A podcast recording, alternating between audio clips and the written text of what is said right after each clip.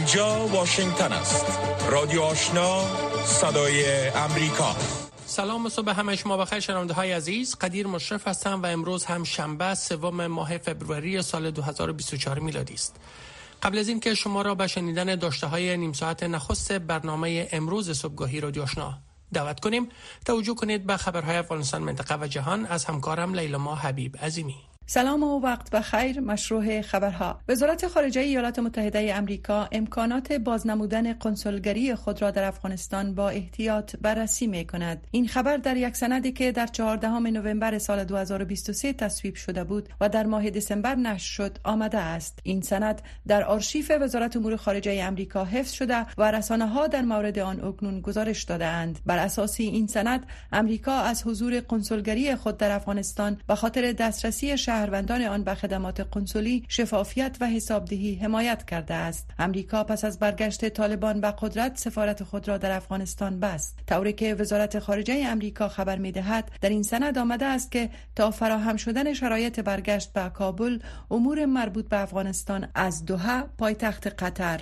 پیش برده می شود وزارت امور خارجه ایالات متحده امریکا می گوید که طالبان باید از سرکوب خواسته های مشروع مردم افغانستان دست بردارند. وزارت خارجه ایالات متحده امریکا می گوید طالبان باید برای کسب مشروعیت بین المللی گام بردارند و از سرکوب خواسته های مشروع مردم افغانستان بپرهیزند. متیو میلر سخنگوی این وزارت ناوقت روز پنجشنبه در یک کنفرانس مطبوعاتی گفت که آنها همچنان بر این موضوع پافشاری خواهند کرد. وای گفت ما از طالبان می خواهیم تا برای کسب مشروعیت بین المللی دست از سرکوب خواسته های مشروع مردم خود بردارند. این کار است که ما انجام داده ایم و بر آن پافشاری خواهیم کرد. آقای ملر این اظهارات را در پاسخ به پرسشی که در مورد بحث روی چگونگی وضعیت همکاران افغان سابق نیروهای امریکایی در افغانستان که در نشست کمیته روابط خارجی مجلس سنا مطرح شده بود بیان کرد. وای اما افزود که نمی‌خواهد در این مورد صحبت کند و جزئیات ارائه نکرد. دفتر هماهنگی کمک های بشری سازمان ملل متحد اوچا می گوید که تا ماه جنیوری پاکستان 500 هزار پناهجوی افغان را از خاک خود بیرون کرده است. این اداره گفته است که مؤسسات کمک رسانی به مشکلات عودت کنندگان رسیدگی می کنند ولی برای حل دائمی آن به بودجه اضطراری نیاز دارند. در گزارش این اداره که دیروز به نشر رسید آمده است که از جمله 500 هزار مهاجر برگشته تقریبا 60 درصد آنها اطفال و اشخاص کمتر از سن 18 سال را تشکیل می دهند. حکومت ایالات متحده امریکا می گوید که پاکستان شماری از شهروندان افغانستان را که قرار بود به امریکا منتقل شوند طی ماهای اخیر به افغانستان بازگشتاندند با گزارش روزنامه واشنگتن تایمز بازرس ویژه ایالات متحده در امور بازسازی افغانستان یا سیگار در گزارشی که پنجشنبه منتشر شد گفته است بسیاری از افغانهایی که با امریکاییان کار کرده بودند و به ایالات متحده انتقال داده می شدند در چهار ماه گذشته از پاکستان به افغانستان برگشت داده شده اند در گزارش آمده است که به دلیل عدم حضور دیپلماتیک ایالات متحده در افغانستان روند انتقال این افغانها در داخل این کشور دنبال نمی شود در گزارش همچنان گفته شده است که در میان افغانهای برگشت داده شده کسانی نیز موجودند که زندگیشان در افغانستان با خطر جدی روبروست. مشروح خبرهای منطقه و جهان را از رادیو آشنا صدای امریکا دنبال می کنید. در تازه ترین رویدادها در بلوچستان پاکستان 24 تن از جنگجویان کشته شده اند. اردوی پاکستان در جریان سه روز اخیر در ولایت ناآرام بلوچستان 24 جنگجو را کشته است. به نقل از بیانیه اردوی پاکستان آمده است که در جریان عملیات در بلوچستان 40 تن از پرسنل تنفیذ قانون نیز کشته شده اند. این در حالی است که قرار است انتخابات ملی پاکستان در هشتم ماه ماه فبروری برگزار شود. اردوی پاکستان روز جمعه دوم ماه فبروری گفت پس از حملات جدایی طلبان بلوچ در یکی از ساحات دور افتاده جنوب غرب پاکستان نظامیان این کشور عملیات را در این ساحات انجام دادند که سبب کشته شدن دست کم 24 شب نظامی شده است. دفتر مطبوعات نظامیان پاکستان با نشر اعلامیه گفته است که شب نظامیان در جریان یک عملیات پاکسازی که اکنون به پایان رسیده است کشته شدند بر اساس این اعلامیه در جریان این حمله و حملات متعاقب آن چهار پرسونل امنیتی و دو غیر نظامی نیز کشته شده اند اردوی آزادی بخش بلوچستان که فعالیت آن در پاکستان ممنوع با نشر اعلامیه از طریق رسانه های اجتماعی مسئولیت حملات دوشنبه شب هفته گذشته را به عهده گرفت. وزارت خزاین ایالات متحده امریکا دیروز تحریم های تازه را بر شبکه متشکل از چهار شرکت مستقر در ایران و هنگ کنگ وضع کرد. با گزارش مرکز خبر رادیو اروپای آزاد رادیو آزادی این تحریم ها به خاطر دخالت این شبکه در فراهم آوری مواد و تکنولوژی حساس مورد استفاده در ساخت میزایل بالستیک ایران و تیاره های بیسرنشین به شمول نوع شاهد وضع شده است. روسیه از تیاره های بیسرنشین شاهد در جریان حملاتش علیه اوکراین استفاده کرده است. وزارت خزاین ایالات متحده امریکا همچنان بر شش مقام فرماندهی سایبری سپاه پاسداران انقلاب اسلامی ایران تحریم وضع کرده است. این وزارت گفته است که این مقامات فعالیت های سایبری زیانبار را علیه زیربناهای مهم در ایالات متحده و جاهای دیگر انجام دادند ادامه تفصیل خبرهای جهان از رادیو آشنا صدای امریکا. الجزایر طرح قطنامه را به شورای امنیت سازمان ملل متحد ارائه کرده که شامل آتش بس فوری بشردوستانه بین اسرائیل و حماس می شود. گروه حماس از سوی ایالات متحده امریکا و اتحادیه اروپا به حیث یک سازمان تروریستی شناخته می شود. این اقدام ممکن است با مخالفت ایالات متحده امریکا عضو دائمی شورای امنیت که حق ویتو دارد مواجه شود. واشنگتن می گوید این قطنامه فقط به نفع جنگجویان فلسطینی است. بر اساس خبرگزاری خبرگزاری رایترز که این پیشنویس را دیده در آن آوارگی فلسطینی ها محکوم شده و بار دیگر از همه طرف ها درخواست شده که به قوانین بین المللی احترام بگذارند. این قطنامه خواستار آتش بس کامل سریع امن و بشر دوستانه در همه نوار غزه شده است. دیپلمات ها گفتند که الجزایر این طرح را چهارشنبه گذشته به شورای امنیت که 15 عضو دارد ارائه کرده است. این طرح بعد از آن ارائه شد که در نشست شورای امنیت در مورد حکم محکمه بین المللی عدالت بحث شد که در آن از اسرائیل خواسته شده تا اقدامات را برای جلوگیری از نسل کشی انجام دهد.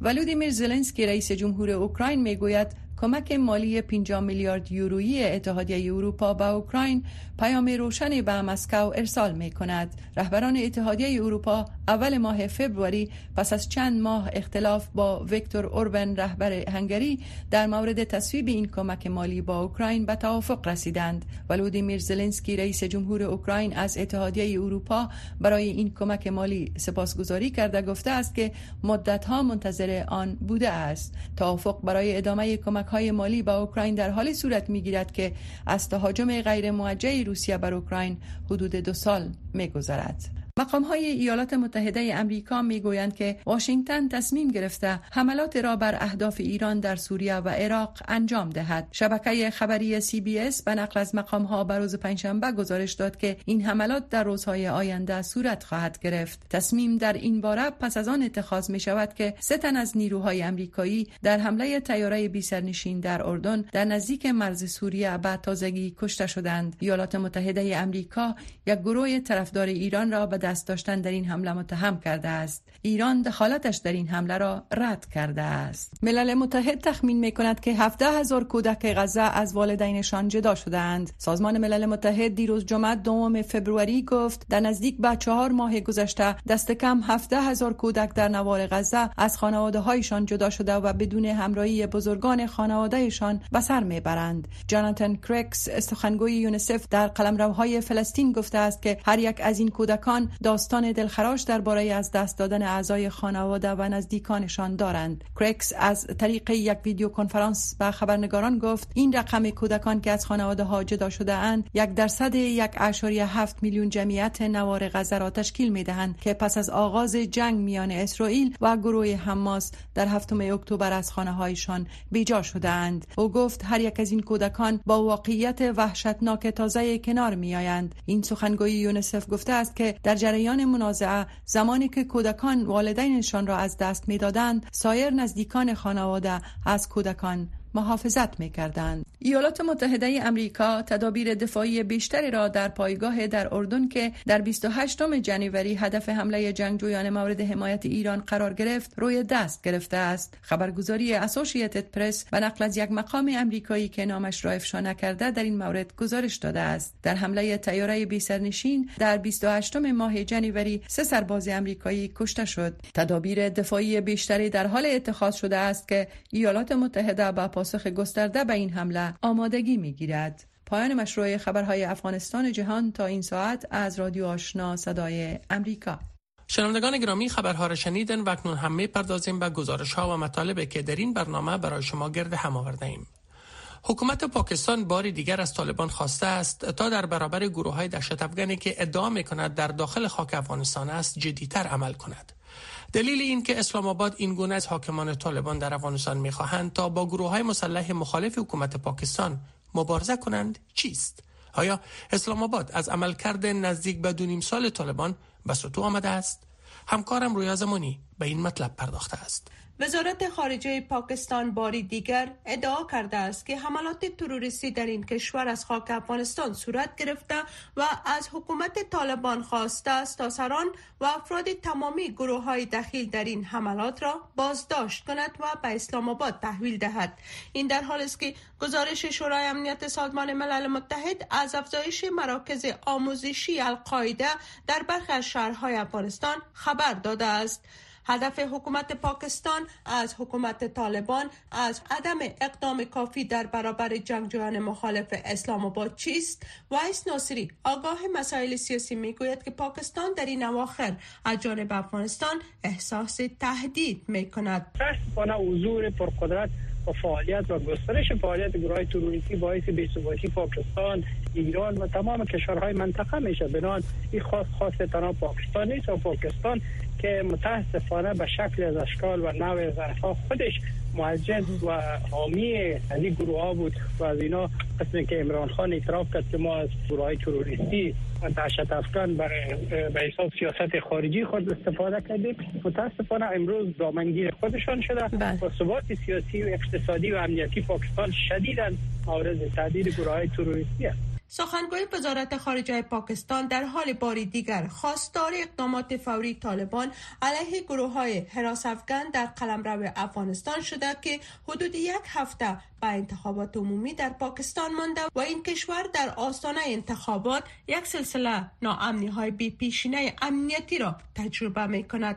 سخی بیراملی آگاه مسائل سیاسی به این نظر است که بی ثباتی داخلی سیاسی و اوضاع نابسامان اقتصادی پاکستان باعث شده است تا پاکستانی ها به گریبان حکومت و حاکمان طالبان بیاندازد. مسائل داخلی مشکلات اقتصادی که پاکستان در اواخر در همه از یاره به نحو منبع از این مشکلات را پاکستان از افغانستان میدانه. که این قسم نیست. تمام مشکلات کشورها مرتبط به خودشان میشه. پاکستان به دلیل از که مثلا به حرکت های آزادی خواهی بلوچ ها و پشتون ها جواب نمیده حرکت سکار از بین می‌بره و سال هاست که مثلا پشتون های پاکستان از حکومت های مرکزشان ناراض هستند همه مشکلات را می‌خواه حال به پیش از انتخابات پاکستان نزدیک است به گردن مردم و حکمرانان افغانستان بندازه.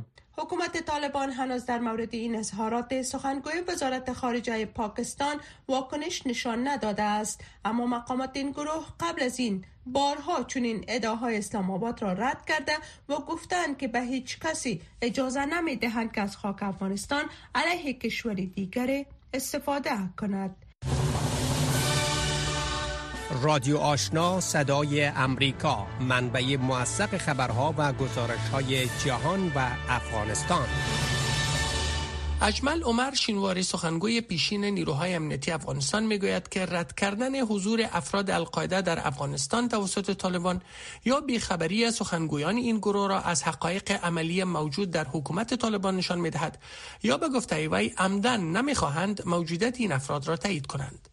آقای شینواری با توجه به گزارش تازه شورای امنیت سازمان ملل متحد گفت که القاعده پس از سال 2012 به استراتژی خود تغییر داد و اکنون نه تنها در افغانستان بلکه در سایر نقاط جهان نیز حضور دارد.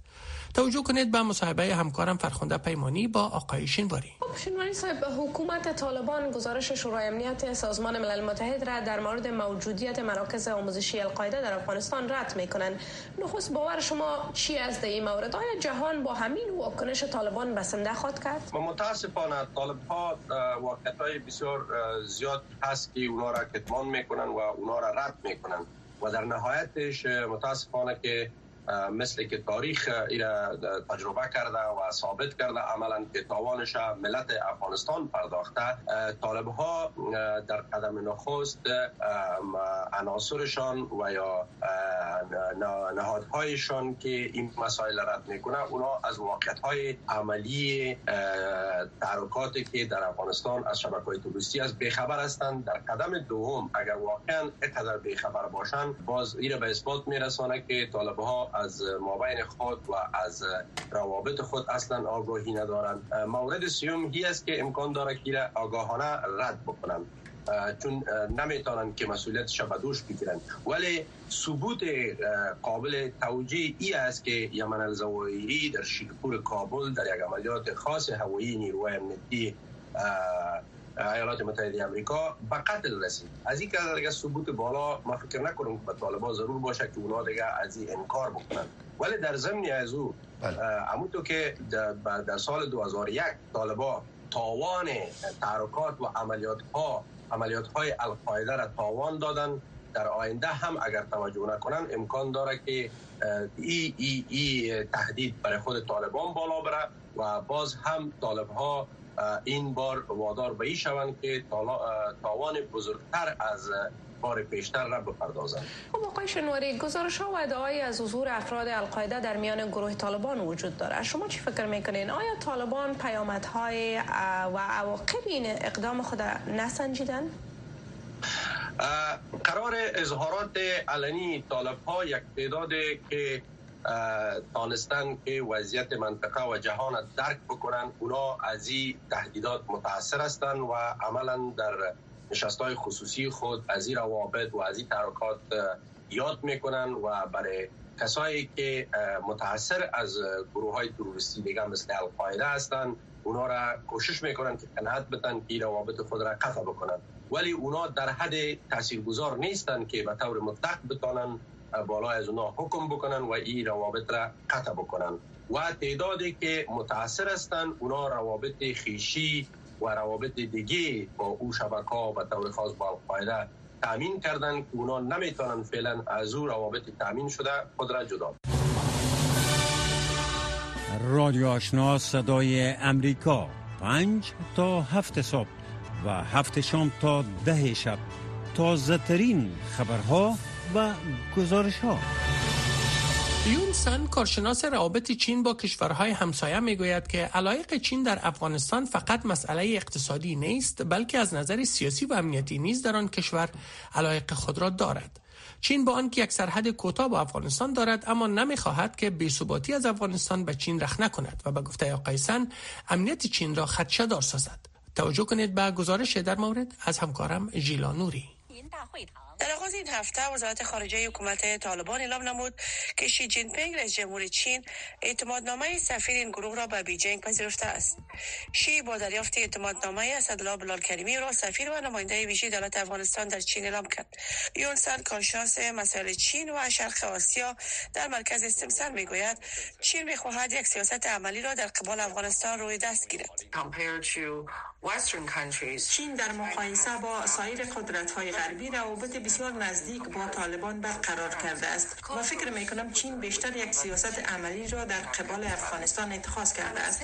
آنچه از دو نیم سال بدین سو در افغانستان میگذرد این است که چین ارزیابی کرده است که رژیم طالبان جایی نمی رود و در افغانستان ماندگار است. به همین دلیل چین می خواهد با آنان تعامل کند. نیلوفر استاد دانشگاه جورج واشنگتن می‌گوید که پذیرش سفیر طالبان در چین ممکن راه را برای به رسمی شناختن طالبان باز کند. اما چین نمی‌خواهد که برخلاف جامعه جهانی اقدام کند. خود موضوع رسمیت شناختن یک موضوع بسیار پیچیده است به این مرحله.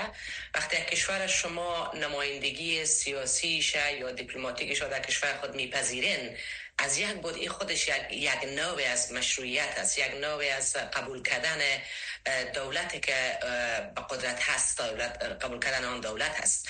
این در حال است که ایران و روسیه نیز دیپلمات های طالبان را پذیرفتند اما حکومتشان را با وجود تلاش های طالبان برای کسب مشروعیت تا هنوز به رسمیت نشناختند. چین به عنوان بزرگترین شریک تجاری با افغانستان زیر اداره طالبان نگرسته می شود سیر قریشی کارشناس مسائل اقتصادی می گوید چین در افغانستان فراتر از علایق سیاسی بیشتر دنبال منفعت اقتصادی است. از لحاظ اقتصادی چین چون بزرگترین سرمایه‌گذار خارجی افغانستان است و سال 2007 تجهیزات مخابراتی افغانستان را فراهم کرده و همچنان در معدن های بزرگ سهم داشته و افغانستان می‌تونه که بهترین جایگاه به خاطر مواد منرالی برای, برای چین باشد. حکومت طالبان اعلام نموده است که می‌خواهد رسما با پروژه زیربنایی یک کمربند و یک راه چین بپیوندد. به عقیده یونسن چین می‌خواهد که از طریق سرمایه‌گذاری اقتصادی در افغانستان ثبات را برقرار بسازد. علاقمندی چین در افغانستان هیچ وقت در مورد دو موضوع اقتصادی سیاسی یا امنیتی نبوده. چین با آنکه سرحد کوتاه با افغانستان دارد اما نمی‌خواهد ثباتی در چین رخ نکند به خاطر که به امنیت داخلی چین تاثیر گذار است. چین با وسعت بخشیدن پروژه یک کمربند یک راه از طریق افغانستان به این باور است که پیشرفت اقتصادی در افغانستان ثبات سیاسی به بار می آورد جامعه بین به شمول ایالات متحده بکرات گفته است که اگر طالبان خواهان کسب مشروعیت و رسمیت یافتن در عرصه بین‌المللی هستند باید با حقوق همه شهروندان افغانستان به شمول زنان و دختران و ها احترام بگذارند. رادیو آشنا صدای امریکا. پنج تا هفت صبح و هفت شام تا ده شب. تازه ترین خبرها و گزارش ها جو بایدن رئیس جمهوری ایالات متحده در حال بررسی یک عمل در برابر کشته شدن سه نظامی امریکایی در اردن در یک حمله طیاره بدون سرنشین است که قصر سفید آن را به شبه نظامیان مورد حمایت ایران نسبت می دهد. این حمله باعث نگرانی بسیاری از قانونگذاران امریکایی در مورد افزایش دخالت نظامی ایالات متحده در شرق میانه پس از حمله حماس در هفتم اکتبر به اسرائیل شده است. کاترین جپسن خبرنگار صدای امریکا در مورد گزارشی تهیه کرده است که برگردان دریان را از عبدالواجد عادل میشنوید لوید آستن وزیر دفاع ایالات متحده روز پنجشنبه به خبرنگاران گفت که کشته شدن سه نظامی امریکایی در یک پایگاه نظامی در اردن در روز یکشنبه علیرغم ترس از این که عکس العمل ایالات متحده ممکن به تشدید تنش‌های منطقه‌ای منجر شود بدون پاسخ نخواهد ماند. So this is a dangerous moment in the Middle East. We will continue to work to avoid a wider conflict in the region. این لحظه خطرناکی در شرق میانه است. ما با کار خود برای جلوگیری از درگیری گستردهتر در منطقه ادامه خواهیم داد. اما همه اقدامات لازم را برای دفاع از ایالات متحده منافع خود و مردم خود انجام خواهیم داد و زمانی که خواسته باشیم پاسخ خواهیم داد. زمان مکان و چگونگی آن را خود ما انتخاب می کنیم شبه نظامیان مورد حمایت ایران از زمان حمله حماس به اسرائیل در هفتم اکتبر 166 حمله به نیروهای امریکایی در عراق، سوریه و اردن انجام دادند. ایران مسئولیت حمله را که منجر به کشته شدن سه نظامی امریکایی شد رد کرده و می‌گوید که واکنش احتمالی ایالات متحده مانع از آن نشده است. حسین سلامی قماندان سپاه پاسداران ایران می‌گوید فصل مشترک ما و شما You know that we do not leave any threats unanswered. While we are not looking for war, شما می دانید که ما هیچ تهدید را بی پاسخ نمی‌گذاریم. ما در حالی که به دنبال جنگ نیستیم از جنگ نمی ترسیم و از آن فرار نمی کنیم. در کانگرس برخی از سناتورهای دموکرات نگران هستند که عکسالعمل ایالات متحده می تواند به سرعت درگیری نظامی را تشدید کند قبل از اینکه قانونگذاران فرصت برای صدور جواز جنگ داشته باشند سناتور تمکین دموکرات می‌گوید This is an escalating war in the Middle East. The U.S. is getting drawn more and more into it. There's no congressional جنگ در حال تشدید در شرق میانه است. ایالات متحده بیش از پیش به سمت آن کشیده می شود. هیچ جواز از سوی کانگرس برای مشارکت ایالات متحده در جنگ در شرق میانه وجود ندارد. بنابراین احتمال و نکنون زمان آن است که کانگرس این بحث را آغاز کند. اما قانونگذاران همچنین نیاز به عکس العمل قوی ایالات متحده را تشخیص می دهند. سناتور جو منشن دموکرات می گوید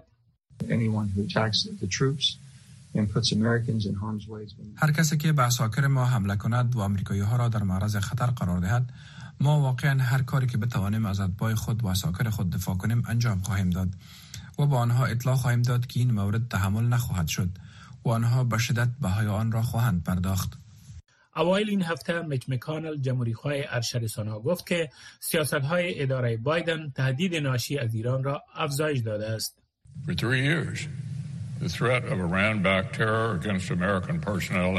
سه سال است که تهدید دهشت افغانی مورد حمایت ایران علیه پرسنل و منافع امریکا در شرق میانه افزایش یافته است. ایران جسور شده و معتقد است که می تواند از نیروهای نیابتی خود برای حمله به امریکا بدون مجازات استفاده کند و دولت بایدن این فرسایش بازدارندگی را تسریع کرده است. دست دادن علنی آنها و ترس از تشدید تنش دقیقا پیام اشتباه را به تهران ارسال می کند. و دیگر قانونگذاران جمهوری روز پنجشنبه گفتند هر گونه پاسخ باید به دقت تنظیم شود. سناتور ریکسکات جمهوری خواه می گوید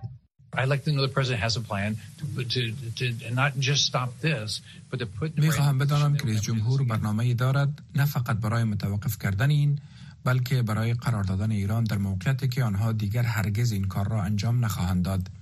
ایالات متحده و حملات قبلی به نیروهای امریکایی با اقدامات از جمله حمله ماه اکتبر به یک ذخیره تسلیحات در سوریه که توسط شب نظامیان مورد حمایت ایران استفاده می شد پاسخ داده است. رادیو آشنا صدای امریکا پنج تا هفت صبح و هفت شام تا ده شب تازه ترین خبرها و گزارش ها نظرسنجی های جدید نشان می دهد که محبوبیت بنیامین نتانیاهو صدر اسرائیل به طور فزاینده در حال کاهش است و اکثریت اسرائیلی هایی که در سروی شرکت کردند می گویند او باید پس از پایان جنگ از قدرت کنارگیری کند. گزارش صدا امریکا را از سحر عظیمی میشنوید یک توافق احتمالی جدید برای آزادی 132 گروگان اسرائیلی باقی مانده که حماس تقریبا چهار ماه است در غزه نگه داشته است و احتمال زیاد اسرائیل را مجبور خواهد کرد که جنگ را بدون بیرون راندن حماس از غزه پایان دهد. صدر اعظم نتانیاهو قاطعانه می‌گوید که این اتفاق نخواهد افتاد. ما این جنگ را بدون دستیابی به تمام اهداف آن به پایان نخواهیم رساند این به معنای از بین بردن حماس بازگرداندن همه هایمان و اطمینان از این است که غزه دیگر تهدیدی برای اسرائیل نخواهد بود ما اردوی اسرائیل را از باریکه غزه خارج نخواهیم کرد هزاران تروریست را آزاد نخواهیم کرد هیچ کدام از اینها اتفاق نخواهد افتاد چه اتفاق خواهد افتاد تنها پیروزی کامل از آنجایی که جنگ بدون پایان پیش می رود اسرائیلی ها بیشتر در حمایت از خانواده های گروگان ها و تحت فشار قرار دادن نتانیاهو برای پذیرش شروط معامله آزادی گروگان ها به طور فضاینده سر و صدا بلند می کنند. روبیهن پدر گروگان امریکایی اسرائیلی است. ما فکر می‌کنیم که برای انجام معامله که گروگان ها را بیرون می آورد نیاز به تغییر یا بازنگری در طرح فعلی وجود دارد و این یک مسئله قیمت پرداختن است. اگر صدر اعظم شاید یک پسر در غزه می داشت ممکن او در مورد بهایی که حاضر است بپردازد کم متفاوت فکر می کرد در این حال تندروهای جناح راست در حکومت نتانیاهو می‌گویند در صورتی که او جنگ را پایان دهد و حماس در غزه هنوز قدرت را در دست داشته باشد آنان ائتلاف را ترک کرده و حکومت را سرنگون خواهند کرد. نتانیاهو همچنین تحت فشار جو بایدن رئیس جمهور ایالات متحده است تا با توافقی موافقت کند که یک کشور فلسطینی در کرانه باختری و باریک غزه را ایجاد کند. آنچه که مقامات حکومتی امریکا می‌گویند باید سبب شکلگیری دوباره تشکیلات خودگردان فلسطین باشد. آخرین نظرسنجی نشان می دهد که تنها 15 درصد از اسرائیلی ها خواهان ماندن نتانیاهو به عنوان صدر اعظم پس از جنگند. بسیاری می‌گویند پس از شکست های فاجعه بار اطلاعاتی و امنیتی که حملات هفته اکتبر حماس را ممکن کرد اعتماد خود را به حکومت وی از دست دادند. آموتس اسا از مؤسسه شلوم هارتمن است. Um, احتمال این که نتانیاهو به نوی آینده خود را از چنگال ورطه انتخاباتی با در نظر داشت وضعیت فعلی خود نجات دهد. بسیار کم است. رهبر اسرائیل تا کنون از پذیرش مسئولیت حملات هفتم اکتبر خودداری کرده است. اما تحلیلگران می‌گویند بسیاری از اسرائیلی ها نتانیاهو را مسئول می‌دانند و معتقدند که زمان آن فرا رسیده که او از سمتش برکنار شود.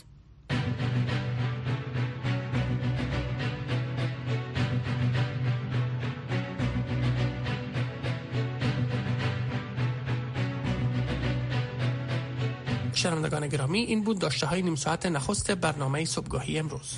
نشرات دری و پشتوی رادیو آشنا ادامه دارد. با ما باشید.